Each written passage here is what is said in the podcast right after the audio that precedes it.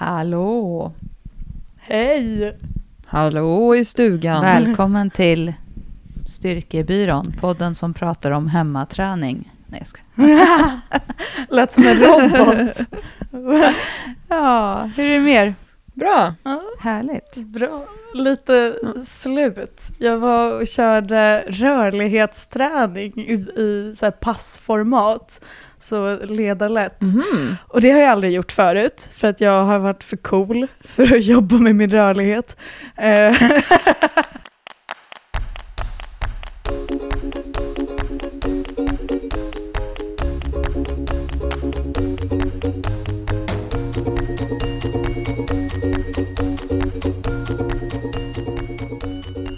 Nej men det var, så himla, det var så himla jobbigt på ett helt annat sätt än vad jag är van vid. För jag är ju van vid att liksom ta i två, två sekunder och sen vila i fem minuter. Eh, men nu fick jag faktiskt så stå statiskt i positioner i en minut och fokusera på andningen. Jättehärligt! Oj, men är, är, det ett, eh, är det ett pass som finns på Friskis som man kan gå på? Nej, det här var på ett annat gym i Bromma, Become an Athlete, där jag kände lite folk. Mhm. Och så blev jag inbjuden Mm. att testa på och kände att det var en jätte... Jag tror jag tackade ja till det också när jag hade druckit några glas vin. Eh, och sen så efteråt, det var så här som att jag vaknade upp dagen efter och kände så här, vad har jag gjort? Eh, men det var jättekul. Sådana där beslut man tar efter några glas vin, de är alltid magiska i den sekunden man sen ska utföra det liksom. Ja, då blir Mm. man lite... Till- exempel de här besluten att man tar ett till glas vin Ja. till exempel. Till exempel. ja, det, så är det ju. Men Lydia, lite nyfiken. Om du då, om du inte har tränat specifik rörlighet innan under din styrkelyftskarriär då gissar jag. Ja. Hur ehm, eh, kan, vi, kan vi redovisa det här lite som en forskningsstudie då? Hur, hur hade du det med rörligheten? Var du styrkelyftstel? Du, jag var faktiskt inte så stel som jag trodde. Men jag har alltid, jag har ju alltid varit det här lilla jobbiga så här, högbetygsbarnet som går runt och nojar typ inför ett test och sen får jag bra betyg och så hatar alla en. Och samma sak med rörligheten, att jag går runt och säger att jag är stel och sen är det helt okej. Okay men det var väl mer typ att jag hittade nya muskler. Jag har träningsvärk i Mm. min hals. Liksom, det, det är skit, sternocleidomastoideus. Eh, Ja. Så att, ja, nej, men det var jättehärligt och helt nytt. Och för mig som, som alltid tränar andra och alltid petar på vad andra kan göra bättre var, var det en övningssak att ha någon annan som sa åt mig vad jag gjorde fel. Och då fick jag svälja stoltheten och kränktheten som dök upp och bara anpassa mig. Men kände du dig kränkt då? Eller tänkte du så här, ja, ja, skitsamma. Jag är fan en styrkelyftare, låt mig vara. Lite, lite så tänkte jag. Och så tänkte jag också, men det är väl inte mitt fel att du är instruerad så snabbt. Hur ska man hänga med? det är på dig.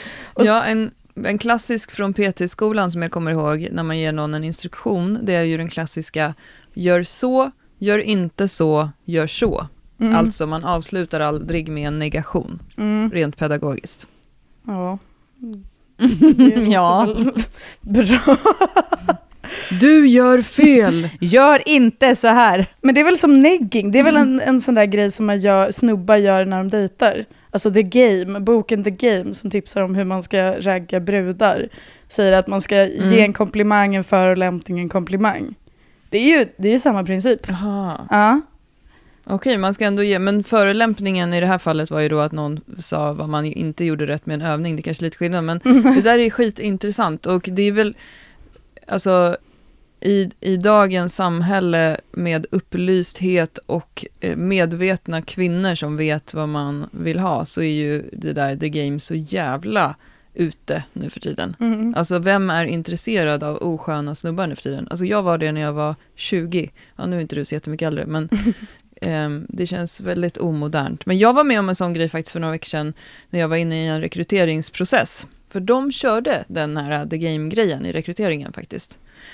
Det är faktiskt något av det märkligaste jag varit med om. De liksom, eh, jag fick göra arbetsprover, det var en jättelång process, det var fyra steg, men då hela tiden berättade de för mig att det var ganska dåligt det som jag gjorde och sådär. Oj. Och sen så sa de ändå att, att jag gick vidare. Och jag funderade faktiskt på om det var någon sån där medvetenhet i det, att det var så här, typ att jag skulle känna mig utvald som gick, att jag skulle vilja jobba där, om ni förstår vad jag menar. Mm. Det var, jag var så här, jag sa ju det till dig Johanna efteråt när jag pratade med dig i telefon, när jag hade varit där och pratat med dem, att jag bara, men alltså jag vet inte riktigt vad som precis hände. Det var liksom så här, eh, ja, bland annat sa de till mig att eh, det inte känns som att jag brinner för något. Men Alltså så jäkla märkligt. Och som Vad du sa, alltså, vem vill ens vara på en sån arbetsplats och vem vill ens ha en sån snubbe? Alltså nej. Tack Ja. men nej tack. Vi tackar nej. Mannen tackat nej mannen, tackar, tackar du nej någon annanstans mannen? Jag är, mannen fuck det. Sluta Mannen tackat nej mannen! Ja, tackar nej.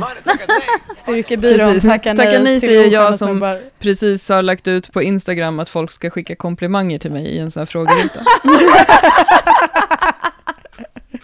jag jobbar ju liksom inte riktigt med det här med negativ Nej, men- feedback. Jag vill bara ha positiv. Ja, ge, ge mig. Säg bara att jag är snygg, det är okej. Jag vet, och alla är ett sånt där extremt het. Du är den snyggaste jag vet. En snubbe har skrivit, får man ta kölapp för att fråga chans? Men alltså Klara, Jättegulligt. Toppen. riktigt. Känner du då när du får det här att det känns så ärligt och, och riktigt? För alltså, bara, Jag väljer att se det så. Jag väljer att det se är bra, det så. det är bra hybrisbyggande. Du kan ju samla de där kommentarerna sen och göra någon typ av moodboard hemma och sätta på toaletten. det här har folk sagt Titta, till mig. folk älskar mig. På Instagram. Ja, du kan jag ta med det till nästa arbetsintervju och bara, ja men alltså folk tycker att jag är snygg på Instagram. Men alltså alla vill ju. Du kan ju också bara skriva en lista över alla män som står i kö. Det är jättetrevligt att ha, Exakt. just in case, när man bråkar med en Just det. Alla vill ju ha det där Klara på nätet eller på sociala medier. Det är ju bara att du vågar be om det. Du säger ju bara så här, Mm. ge mig. Medan andra är så här, hej jag lägger upp en bild på mina barn och så är jag skitsnygg i bakgrunden. Och sen bara, Just det, det, är- den det är är inte alls skön, meningen typ att jag står här och spänner typ min biceps liksom. Och sen bara, här är mitt barn fast jag står här i bakgrunden skitspänd.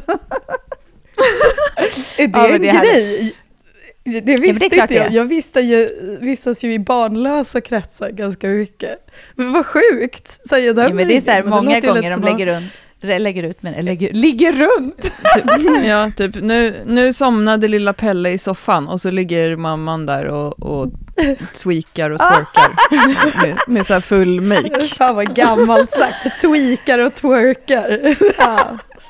Men alltså, vi är ju 40 plus här nu snart, så att jag menar, då får man ju liksom prata utifrån den åldern. Eh, ja, det är det helt är okej. underbart. Men du, okej, från det ena till det andra. Klara, nu vill jag ändå prata seriös träning här. alltså jag känner att man Kör. vet aldrig vad som kommer ur det här annars när man släpper för mycket på tyglarna. Men alltså, du, eh, när körde du tunga, tung, liksom tunga böj och sånt senast? Alltså inte nu häromdagen, utan senast, alltså i, i liksom förra perioden. När gjorde du det? I Ja. livet?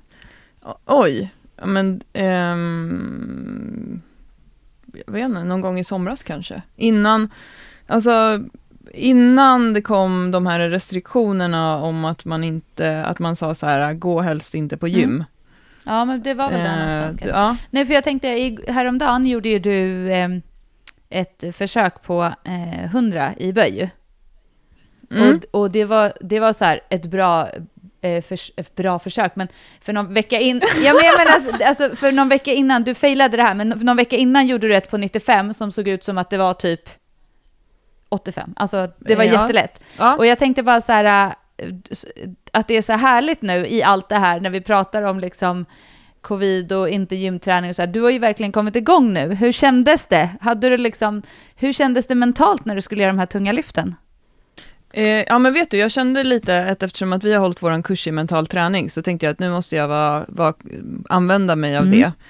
Eh, men jag hade det liksom inte i kroppen igår. Men faktiskt, om jag ska vara ärlig, så tror jag att varför jag inte hade det i kroppen när jag gjorde det här hundraförsöket var på grund av sen, min senaste vecka, som har varit lite stökig eh, och lite hängig och lite dålig sömn och väldigt mycket jobb och väldigt mycket umgås, typ med vin, eh, med, med, med olika personer. Så att eh, det, det, jag faktiskt så känner jag att så här, eh, hade det varit förra veckan så hade jag gjort eh, 100. Eh, så det är inte så konstigt. Men däremot det som är lite kul är ju just det här med att jag tränade ju inte då på gym på hela hösten och sen så fick jag corona och sen ehm, så kom jag igång för typ åtta veckor sedan. Och sen har jag följt vårt program Team Styrkebyrån i sex veckor. Och då gick jag från att första passet med Team Styrkebyrån så gjorde jag mina treor på 60 kilo. Och det var så här, det var ju verkligen hemskt då. Alltså, ni vet när man har haft influensa också och ska komma Mm. igång igen. Eh, Men då var jag ju också lite inställd på att så här, det här kommer ju vara så här ett tag nu på grund av att jag inte har tränat på samma sätt på liksom väldigt länge. Men sen så läste jag också någon artikel som Gudiol skrev häromveckan om det här med Um, och Ville Valka och jag har ju skrivit mycket om det också, det har ju vi poddat om, det här med att man kan faktiskt bibehålla styrkan med ganska lite under en lång tid. Men då har ju jag inte ens, jag har inte ens tränat med skivstång liksom. Jag har ju gjort mina knäböj hemma med 16 kilo eh, kettlebell.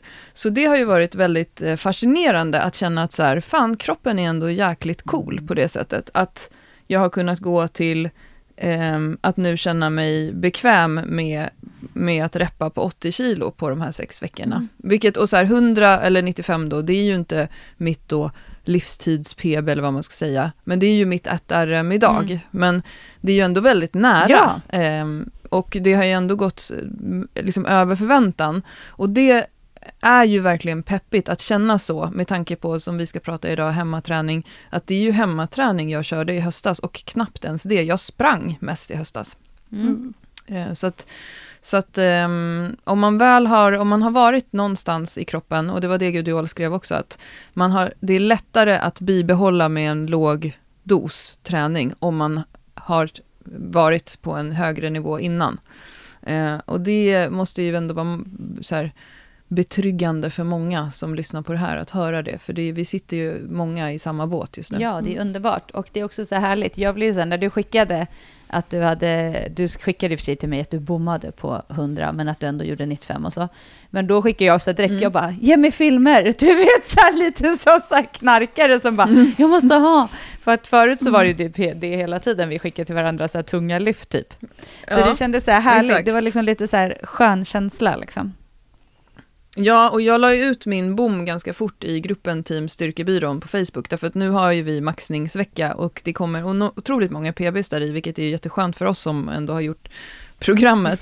Men jag tror att det kan vara lite stressande också för de som kanske inte känner att de har samma tryck i träningen just nu. Så då la jag ut så här, så här kan det också bli. Man kan också bomma, men för mig är det väldigt odramatiskt, för det är ju någonting som jag också har tränat mycket på tidigare. Eh, att, eh, att gå till fail är inte någonting som, som jag lägger så mycket energi på eller blir skrämd av heller. Jag tycker inte att det är läskigt. Liksom. Nej, och det är ju bra. Alltså det är ju svinbra att känna sig trygg med att bomma, för det gör ju också för det mentala att, eh, att man vågar, alltså man vågar, eh, man vågar lyckas för man inte är rädd att misslyckas. Det är annars ett klassiskt, att man är för rädd för att misslyckas, vilket gör att man inte kommer ta de här vikterna. Ja, och jag analyserade det för några år sedan till att så här, men vänta nu, hur, jag kan ju inte bli bra på en situation, då till exempel att maxa, om jag, om jag aldrig tränar på den situationen. För nu tävlar ju jag inte i någon sport heller, och när man följer ett program så är det ju för er också. Det är ju inte så ofta man går till max när man följer ett träningsprogram. Så jag bestämde mig där för några år sedan att så här, jag tänker göra det, jag gjorde det då under sex veckor i varje pass eh, gick, gick till fail i böj, bara för att se det lite som ett så här, experiment. Och sen hade jag ju en period när jag, var, när jag hade så här, eh, väldigt stor respekt då för 100 kilo, men jag var förbi 100 kilo. Men det var ändå för mig så här, det är tresiffrigt på ryggen, det, jag tyckte det var lite, liksom lite läskigt och då gjorde jag en grej som du Johanna tyckte var helt hål i huvudet. Att jag ställde mig ensam på Crossfit-eken utan säkerhetsarmar och gjorde 10 ettor på 100. Ja men alltså jag skulle aldrig göra det. Men då ska vi också lägga till att vi har väldigt olika böjstil, du och jag. Alltså när du bommar så sätter ju, du sitter ju i botten. Ja, jag faller inte och fram. jag har ju lite mer den tendensen att hamna lite mer framåt. Ja, men Crossfit-tåget hade ju lärt mig också hur man dumpar stången, men det var ju det, du bara, är du helt knäpp i huvudet? Så här, det där kan du inte göra. Men för mig var det just den där med den mentala spärren, att så här, jag måste kunna veta att jag kan gå till gymmet själv utan säkerhetsarmar och böja 100 för mig då. Så då får jag göra det tio gånger, tänkte jag. Och det gick ju bra. Eh, och ibland så måste man ju, som sagt, träna på det man tycker är läskigt för att komma förbi det. Det räcker ju inte alltid med att bara så här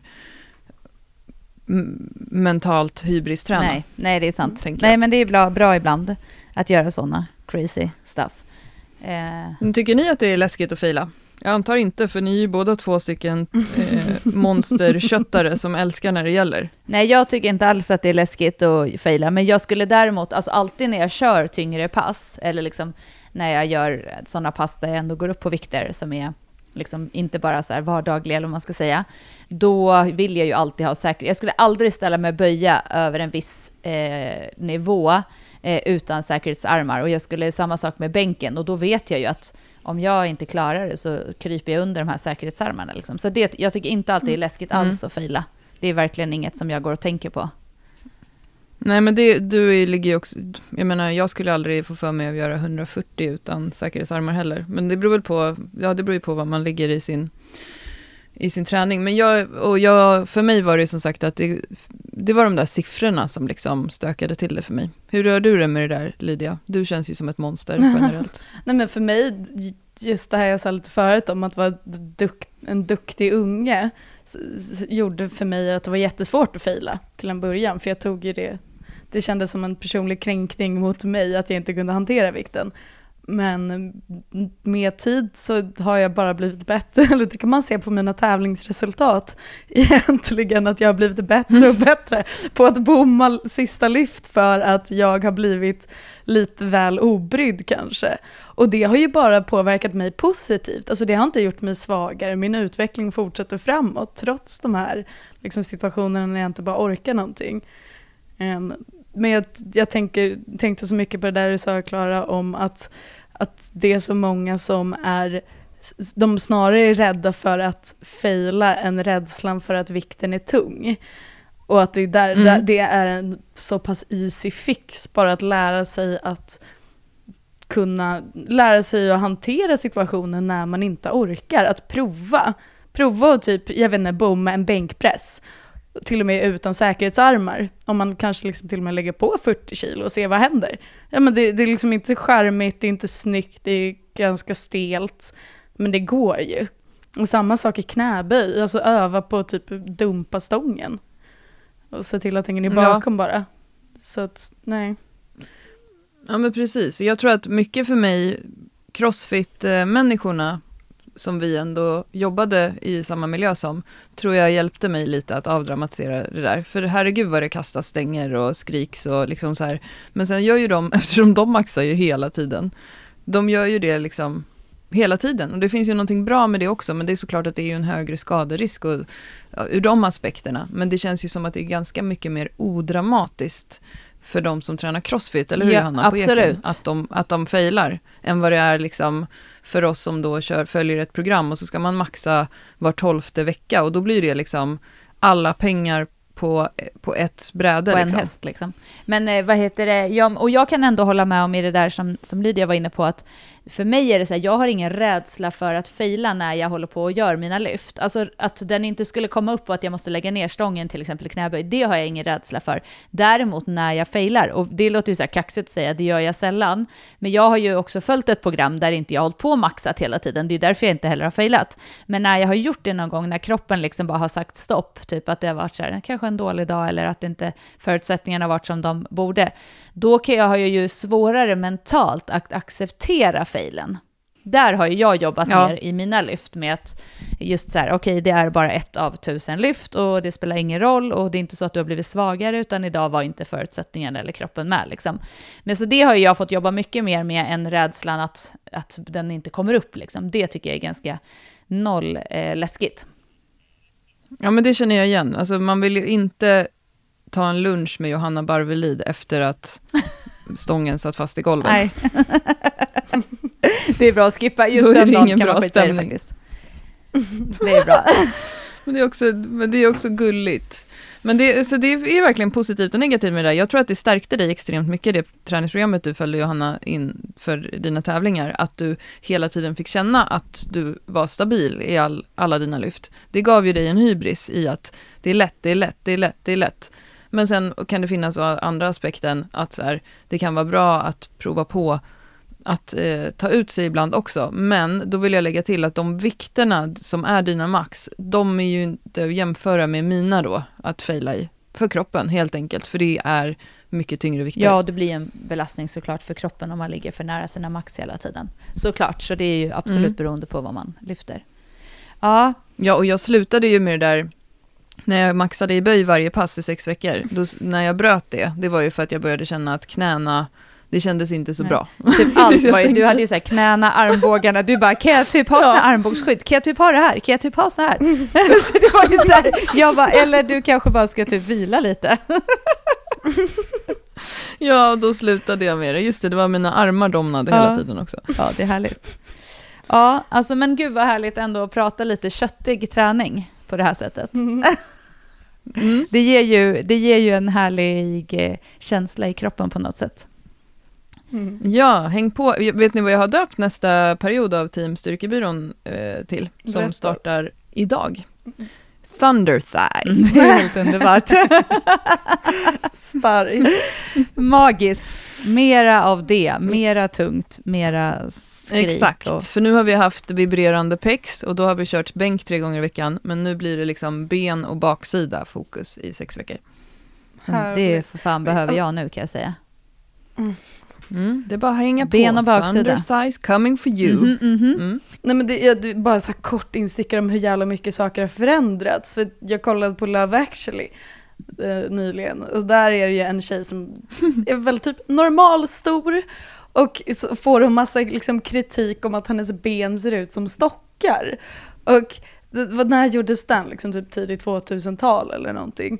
Och det känns... Ja, men gör det den där med Hugh Grant, typ. Ja, exakt. Och hon, Mm. så här, hon har, är väl inte så stor eller liten, har inte så stora ben. Men att hur den kommentaren har gått från liksom negativ till i väldigt många situationer positiv. Att folk vill ha feta lår, folk vill ha grova liksom, stockar, att det skulle vara en fin komplimang. Det tycker jag är härligt. Stora Det är ben verkligen är härligt. toppen. Om jag inte missminner mig nu, eller får en sån här, gud vad det låter gammal kommentar, Lydia, Ja, så tror jag att det är Beyoncé som myntade uttrycket som gjorde Thunder Thighs populärt. jaha ja. Och där kan man ju verkligen snacka Thunder Thighs. Oh, ja. Oh, oh, oh, oh, oh, oh, oh, oh.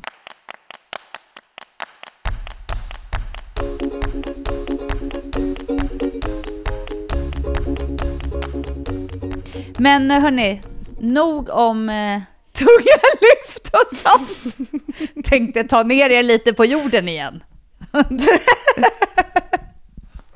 Sluta ät fladdermöss, vänligen.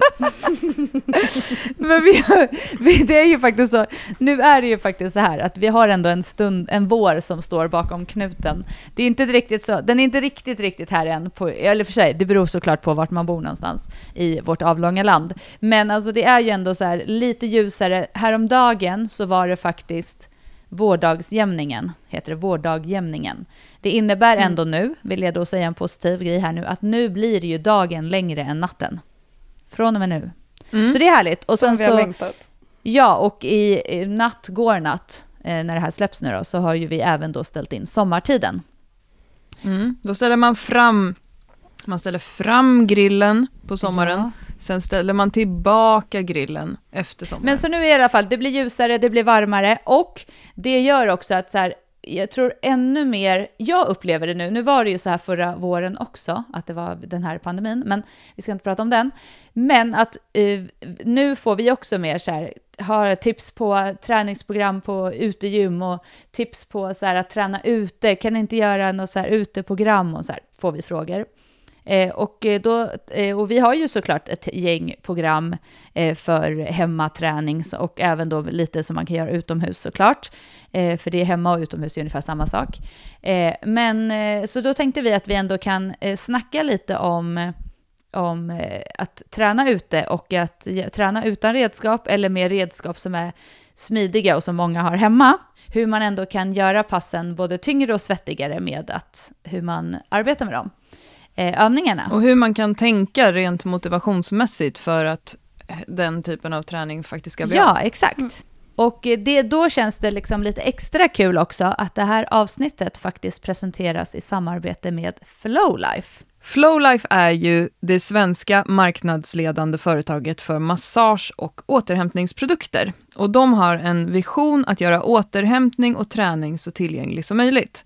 Och Flowlifes produkter har vunnit ett flertal Bäst i test och eh, flera av er känner säkert igen massagepistolen som verkligen boomade här för något år sedan. Och sen har de också massagekuddar som eh, då är några av de produkter som man kan hitta hos dem. Och en av deras senaste produkter som vi har fastnat för och som vi också har fått med oss hem och nu testat är någonting som kallas för Flow Tank. Och vad är en Flow Tank, Johanna? Mm. Flow Tank är en eh, träningsprodukt eh, och eh, då som är designad för att utmana kroppen med hjälp av vatten.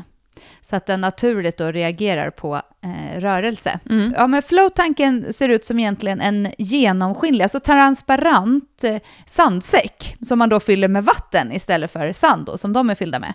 Och man kan fylla den med upp till 25 liter vatten.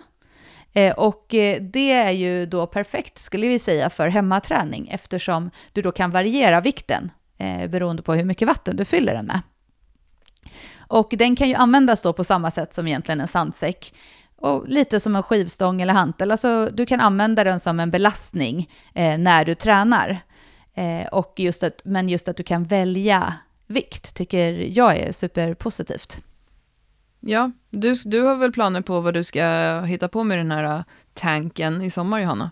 Mm, jag har ju redan tjuvstartat och tränat med den som sagt och gillar ju den. Men ja, jag tänkte att den där kommer ju, jag har ju bokat husvagnssemester i sommar, precis som förra sommaren. Och eh, den kommer ju lätt hänga med på campingen och den kommer, jag lovar, göra en succé i vårt gäng. För det är många som tycker om träning där och eh, just att kunna köra lite olika pass och eh, som passar alla. Så eh, just att den är så lätt, alltså det är så lätt att fylla på vatten och så kan man pumpa upp lite luft så att den blir liksom helt uppblåst, men så kan man välja hur mycket vatten det är i.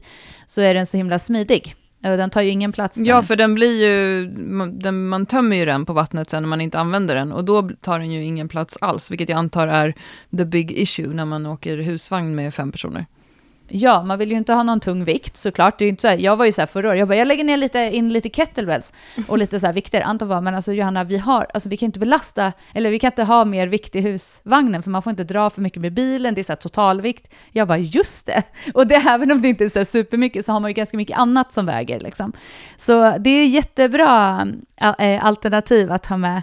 Och också, jag tänker så här, ha med sig om man har någon stuga eller ja, men man ska på någon semester, men också just att smidig att ha hemma. Att bara, så man eh, fyller den med vatten och så tömmer man den. Och då, sen har den handtag på utsidan som också är väldigt sköna att hålla i. De är lite så här mjuka. Så äh, jag gillar den där. Vad, vad säger du Lydia? Du har ju också testat Mm. den. Men det, det du sa om att den är smidig, det är ju typ A och O, för jag bor på vadå, 24 kvadrat. Jag kan inte köpa en 20 kilos kettlebell eller en 24 kilos 28, liksom, jag har inte plats. Så att fylla upp, ta ut den till en park, kötta på och sen så bara tömma och, och vika ihop igen. Det är, alltså det är perfekt. Och perfekt för mitt landställe också där jag vill köra lite hemmaträning eller uteträning sen till sommaren. Så jag tycker att den är grym och rolig och lite sådär svår att hantera. Den är inte som en skivstång utan man får verkligen anstränga sig och fokusera för att vattnet skvalpar ju runt lite när man kör. Och det är ju jätte, jättespännande. Ja, och vi ska ju nu under kommande två veckor bjuda på både träningspass och bra övningar som man kan göra med just en flow tank. Eh, och utöver det så kan du på Flowlifes hemsida hitta fler övningar och inspiration hur man kan använda den här flowtanken. Och om du är sugen på att testa en flowtank eller för den delen en massagepistol så har du med koden styrkebyrån20 20% rabatt på hela sortimentet på Flowlife Sweden. Härligt! Johanna, du, sa, du lät lite så skämtsam när du sa att eh, vi skulle snacka hemmaträning idag. Eh, men eh, har din inställning till det här med hemmaträning förändrats under, under det här senaste året? Eller hur tänker du? Ja, jo men det har det. Alltså, jag tror att jag tänkte i början när det blev när, det- när det här bröt ut, hela den här pandemin och det blev så här restriktioner med gym och sånt. För mig blev det ju, för det första ett ganska så här stort... jag, min motivation har ju jag fått liksom brottats med under det här egentligen senaste halvåret skulle jag säga. eh, och känt att så här, jag har jättesvårt att eh, motivera mig att gå och göra tunga lyft och jag har liksom tappade, när det inte var tävlingar i styrkelyft så tappade jag jättemycket liksom, ja, men känslan för det. Det blev bara så här, varför gör jag det? Och så kändes det så här, men jag har inget, jag har inget varför. Så, och då tänkte jag så här, men hemmaträningen får bli ett sätt att hålla igång lite inom så situationstecken.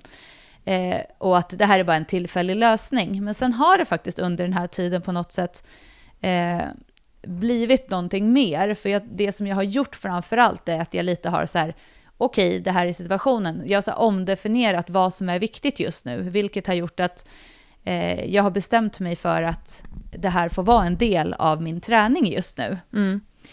Eh, och vilket också då har ju, har ju också gjort att jag har fått gjort om mina mål. Att mina mål är inte just nu att dra 200 i marklyft. Och jag har så accepterat det. Och för bara kanske ett halvår sedan så skulle jag aldrig tro att jag skulle sitta och säga det just nu. för det var så här det självklara, i, liksom att det är självklart 200 är mitt nästa mål, det är det jag ska göra nu. Liksom. Men så jag har också någonstans eh, eh, känt att så här, ja, men nu har jag accepterat det här och att jag kan göra rätt mycket bra pass och att det känns ganska skönt och att jag försöker köra mycket ute. Så att, eh, och att jag också vill göra lite andra saker. Jag typ har sprungit någon gång och jag har kört lite någon padel och jag har gjort lite annat. Så att det har också känts så att jag har förlikat mig med eh, de nya målen som är just nu. Sen säger jag inte att för den, del, för den delen att jag vill lyfta tungt och att jag har som någonstans långt borta att jag vill dra 200 i mark, för det har jag. Men eh, just nu så känns det här att här passar det att vara just nu och då får det vara Men det så. är jättesvårt. Jag, alltså, jag känner ju igen det du säger, även om inte jag har haft så 200 i markmål. Men det är ju lite så här, jag, jag kände ju mycket i stor del av förra året att jag liksom tappade mig själv någonstans. Och jag tror att ett problem med det här med den träning, vi säger, alla vi tre som jobbar med träning säger ju ofta till våra kunder att så här, men det är att du tränar som är det viktiga, inte exakt vad du gör. Eller hur? Det känner ni igen? Det präkt, präkt. Mm, men, exakt. Det är jätt, men däremot så har vi, både du och jag Johanna, hamnat i den tankevurpan ändå själva. Att vi inte riktigt har räknat den här hemmaträningen som, Mm. Som någonting liksom på riktigt. Eh, så det är, inte, det är ett ganska svårt jobb att just omdefiniera det där. Ja, och just det här som du sa, lite man tappade bort sig själv. För i min värld och i, i, för mig själv så är jag en eh, person som lyfter tungt. Mm. Och att förlika sig med någonting annat tar ganska mycket tid. Eh, framförallt har det gjort det för mig, att liksom hamna på någonstans där acceptans. Att ja, men jag mår rätt bra nu också och vad är det som är viktigt? Och just som det är nu så har jag också väldigt mycket när det gäller liksom jobb och skola och då har jag känt också så här, det är svårt att få till två och en halv timmes gymträning. Eh, och även nu har det varit svårt att kanske en och en halv timme och då har jag istället gått ut och kört 40 minuter eller tagit en jogg eller så. Och vilket har gjort att det har gett mig mycket liksom, till hjärnan och kroppen men inte tagit så mycket av min Mm. tid. Men jag kan ju känna att det är en utmaning för många. Det här att visst, det är lättillgängligt med hemmaträning, det är det ju absolut. Men det blir ännu svårare att, att faktiskt kunna skilja på fritid, träning, vardag och sen så just jobb. För att det är så mycket som händer hemma. Eh, det är väl en av de utmaningarna jag har stött på mycket. Att folk känner att ja, men, jag, när jag är hemma så tänker jag inte på burpees till exempel. Nej. och, eh, och att där måste man hitta ett sätt att komma runt just det där. Men så här, hur kan jag ändra mitt sätt att inte bara liksom se på träning utan även se på typ min lägenhet, se på naturen Mm. eh, liksom de, de ytorna jag har runt omkring mig. Och hur kan jag ställa om, om man har möjlighet att ställa om en liten hörna till en träningshörna till exempel. Så att det faktiskt känns mer som att man tränar och inte bara står och hoppar i vardagsrummet. Ja ja, men det tror jag också är jätteviktigt. Men har ni, eh, har ni eh, eller Johanna du då som har- ändå har gjort den här, eh, du har gjort en resa Johanna. hur, något, hur ska man göra för att liksom ställa om? Ja, men jag tror det som, som krävs, det är ju att, att man någonstans funderar kring vad som är målen just nu. Alltså vad är det som jag vill ha ut av det här? Alltså vad, vad, vad gör hemmaträningen för mig? Är det någonting som, som jag gör tillfälligt eller är det någonting jag har valt att göra för att jag inte går på gym eller är det någonting som ska vara ett komplement till någonting? Så att liksom skapa ett syfte för varför gör Mm. jag det här?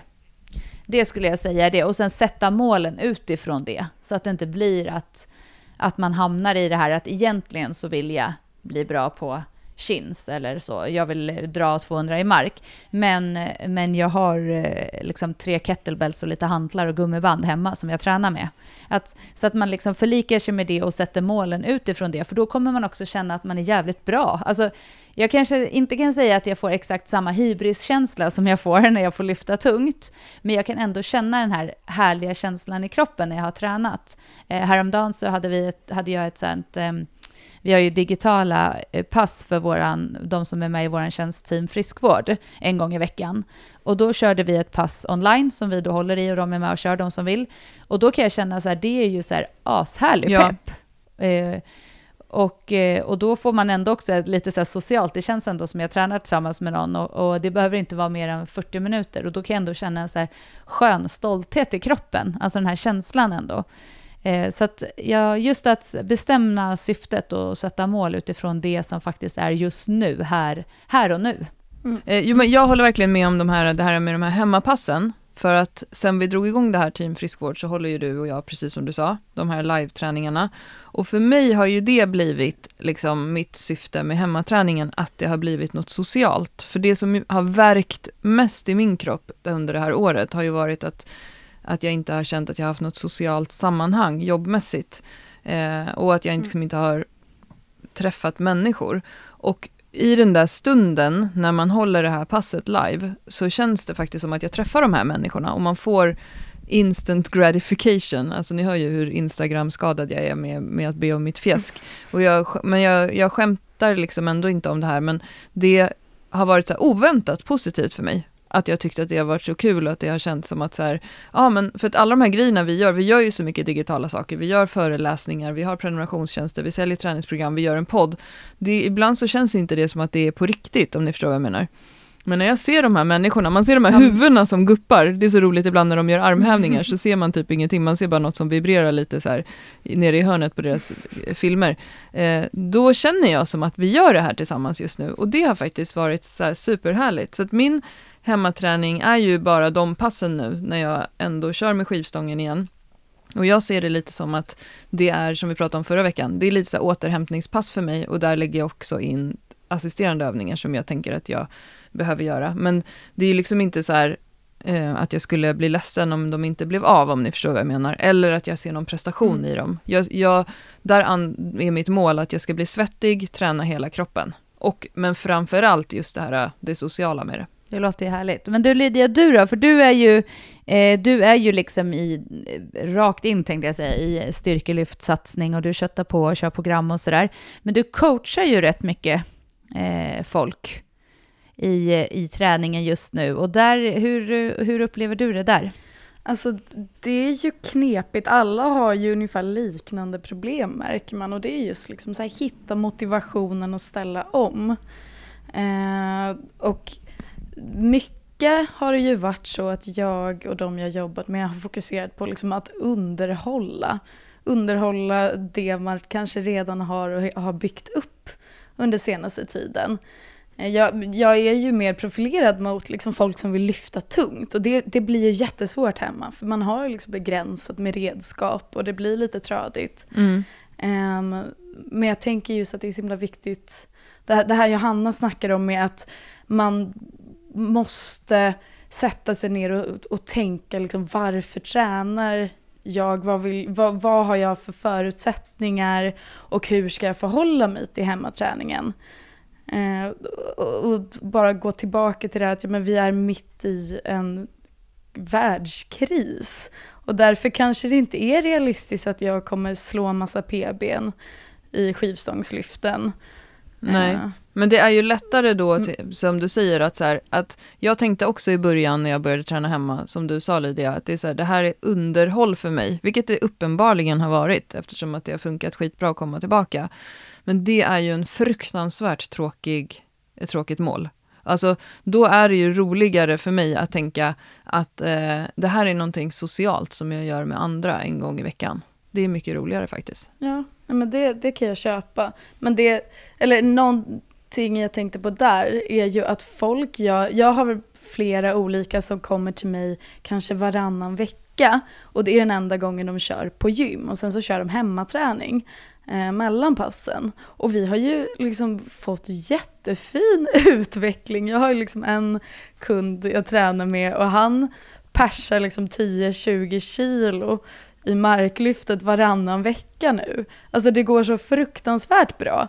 Och sen så hade han lite, Och tränar hemma emellan. ja, tränar hemma, håller igång, gör lite flås, lite, alltså vi ser också en jättefin utveckling i hans bänkpress. För att vi började ganska mycket från scratch där och så la vi in ganska mycket armhävningar i hans träning. Och det har ju gett svinbra resultat. Alltså just det här att vi faktiskt ser att ja, men man behöver inte bara underhålla, utan vi kanske även kommer här, stärka upp delar som inte får tränas lika bra om vi gör samma fem övningar varje gång. Alltså när man tvingas vara lite kreativ och kanske jobba lite mer med stabilitet och lättare vikter, då kom, alltså det är ju inte så att det är bortkastad träning bara för att det är lätt. Utan det kan, kommer fortfarande gynna en sen när man ska gå in och lyfta tungt för att man kanske har fått en mer stabil axel. Eller att man har fått in jättemycket fin hypertrofiträning för bröstet i armhävningarna. Ja, men gud, det här är ju aspeppigt ändå. Ja. Tänk ändå att, att eh, det kommer inte ha varit förgäves. Det finns någonting positivt med det. Ja, men det är väl superhärligt. Det går ju att göra så mycket. Det är ju det. Alltså det gör ju verkligen det. Men sen det som jag kan känna och som jag tyckte i början, det är nog den här och det kan jag tycka när jag programmerar hemmaträning, alltså det vill säga när jag gör hemmaträningspass. Eh, programmera låter bara väldigt mycket positivt, eller så här coolare. Men eh, just det här att det känns så här, det, det, är så, det är lätt att det blir så enformigt. Och det här är intressant då, för när jag tränar på gym så gör jag ungefär i snitt tre övningar per pass. Men Ja. när, när det gäller hemmaträning, då tycker jag att det känns enformigt, men då gör jag ju massor med olika saker. Alltså, så jag tror att också att jag, med många ska jag säga, har en bild också av att hemmaträningen, den måste vara kreativ och den ska vara roliga övningar och det ska vara eh, massor med variationer och sådär. Men det behöver det ju inte vara. Alltså armhävningar, det gör jag i alla mina hemmaträningsprogram, alltså pass. Alltid. För det är en övning som blir tung, den går att eh, öka belastningen på och den ger så här mycket liksom in, input i trän- alltså från passet. Jag känner liksom att jag får ut mycket av en sån övning eh, med de redskap som jag har hemma. Men just att det är ganska intressant att när man, när man tänker så på ett pass hemma, då ska det vara mycket övningar och variera helst varje gång. Liksom.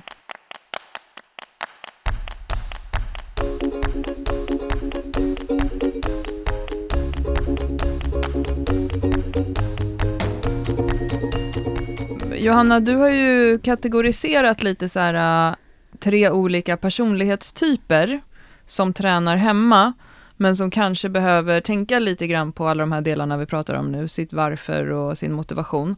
Kan inte du eh, berätta eller ge de här kategorierna lite tips? Man älskar ju ändå att få människor indelade i kategorier. Jag blir. Ja, det är underbart. Självklart. Alltså, ja, men den första då, det är jag tränar bara hemma, gillar inte gym eller träning, behöver bara träna för att må bra.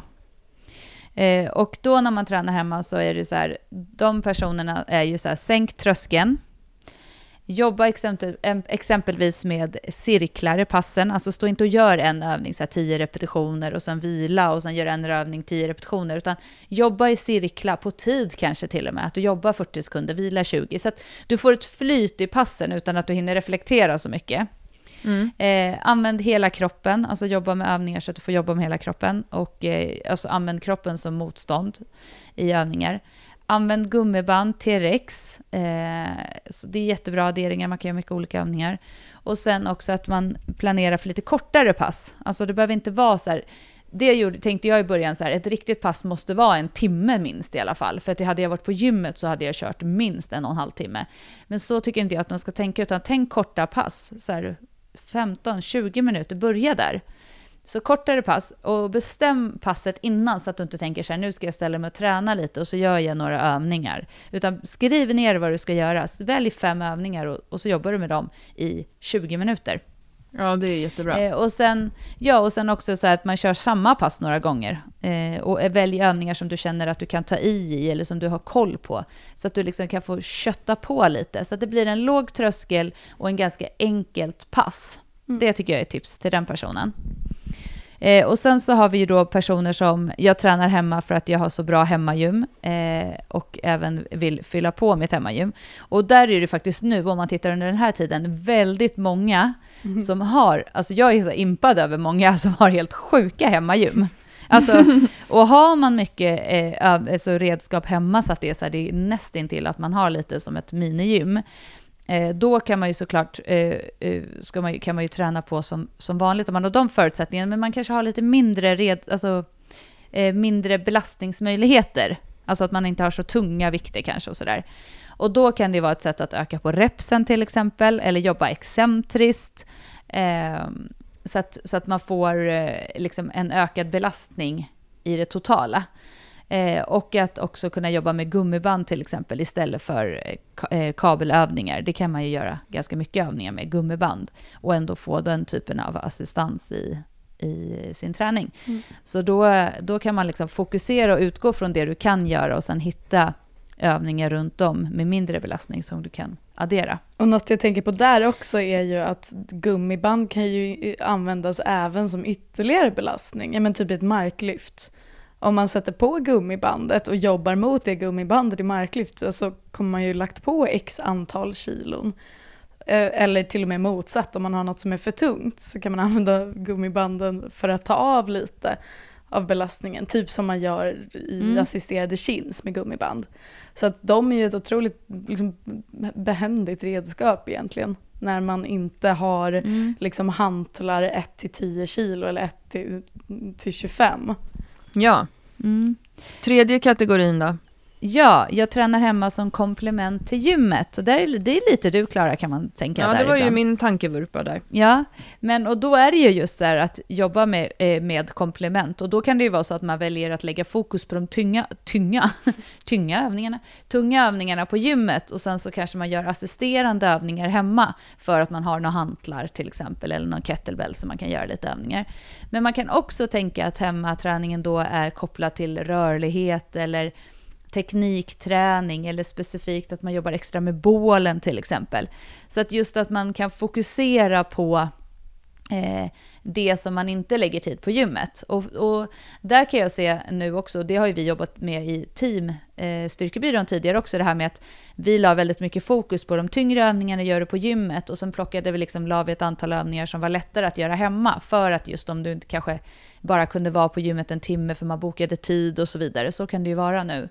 Att just Mm. att lägg fokus på det tunga på gymmet och sen så eh, gör du annan typ av träning hemma som har ett annat syfte. Och då kan man ju fundera lite på vad behöver jag göra till exempel.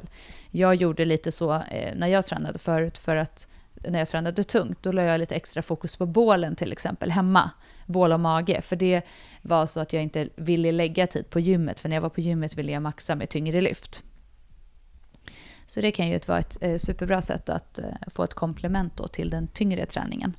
Mm. Ett till tips är ju också att eh, håll träningspass för andra, för då kommer du tvingas att göra jobbiga saker som du inte hade fått gjort annars om du bara hade tränat själv. Ja, exakt.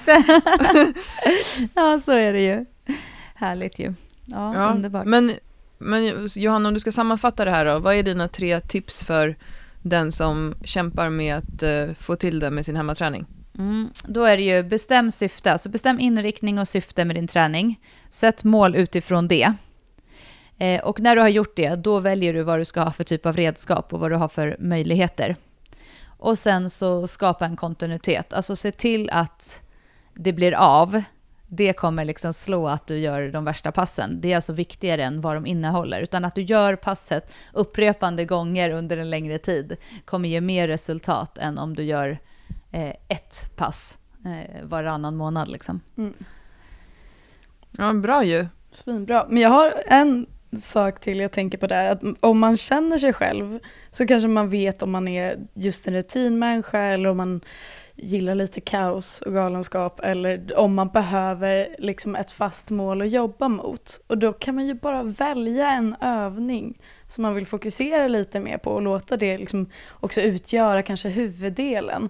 Typ att ja, men jag vill klara min första armhävning och så jobbar man då liksom successivt från en upphöjning, sänker upphöjningen varje vecka tills man kommer ner på marken. Eller att ja, men, första veckan ska jag göra fem armhävningar, tre rundor och försöka, alltså lägga in någon sorts linjär utveckling och målet kanske är att ja, men jag vill kunna göra tio armhävningar från tårna. För Mm. att då blir det på något sätt lite likt det här liksom härliga och göttiga som man får på gym när man är såhär, men nu ska jag maxa ut knäböj. För det finns ju övningar man kan utmana sig med även hemma. Och det känns ibland som man glömmer bort det lite. Att så här, armhävningar är svintunga, burpees på tid, jättejobbigt. Välj någonting och, och, och sätt det som ett mål. Och jobba mot det. Grymt hörni. Eh, jag ser fram emot att se era, jag vet att ni har lite filmer på gång med den här flow-tanken Mm. som, eh, med just övningar som man kan göra när man tränar hemma. Så det ser jag fram emot att se. Eh, koden är styrkebyrån 20 för 20% rabatt hos Flowlife. Och eh, er hoppas jag att jag får se inom en vecka, men annars så hörs vi i podden igen om en vecka. Yes. Jajamän, tack för idag. Ja, tack. Mm, tack för idag. Hej då. Hej då. Puss på er. Hej då.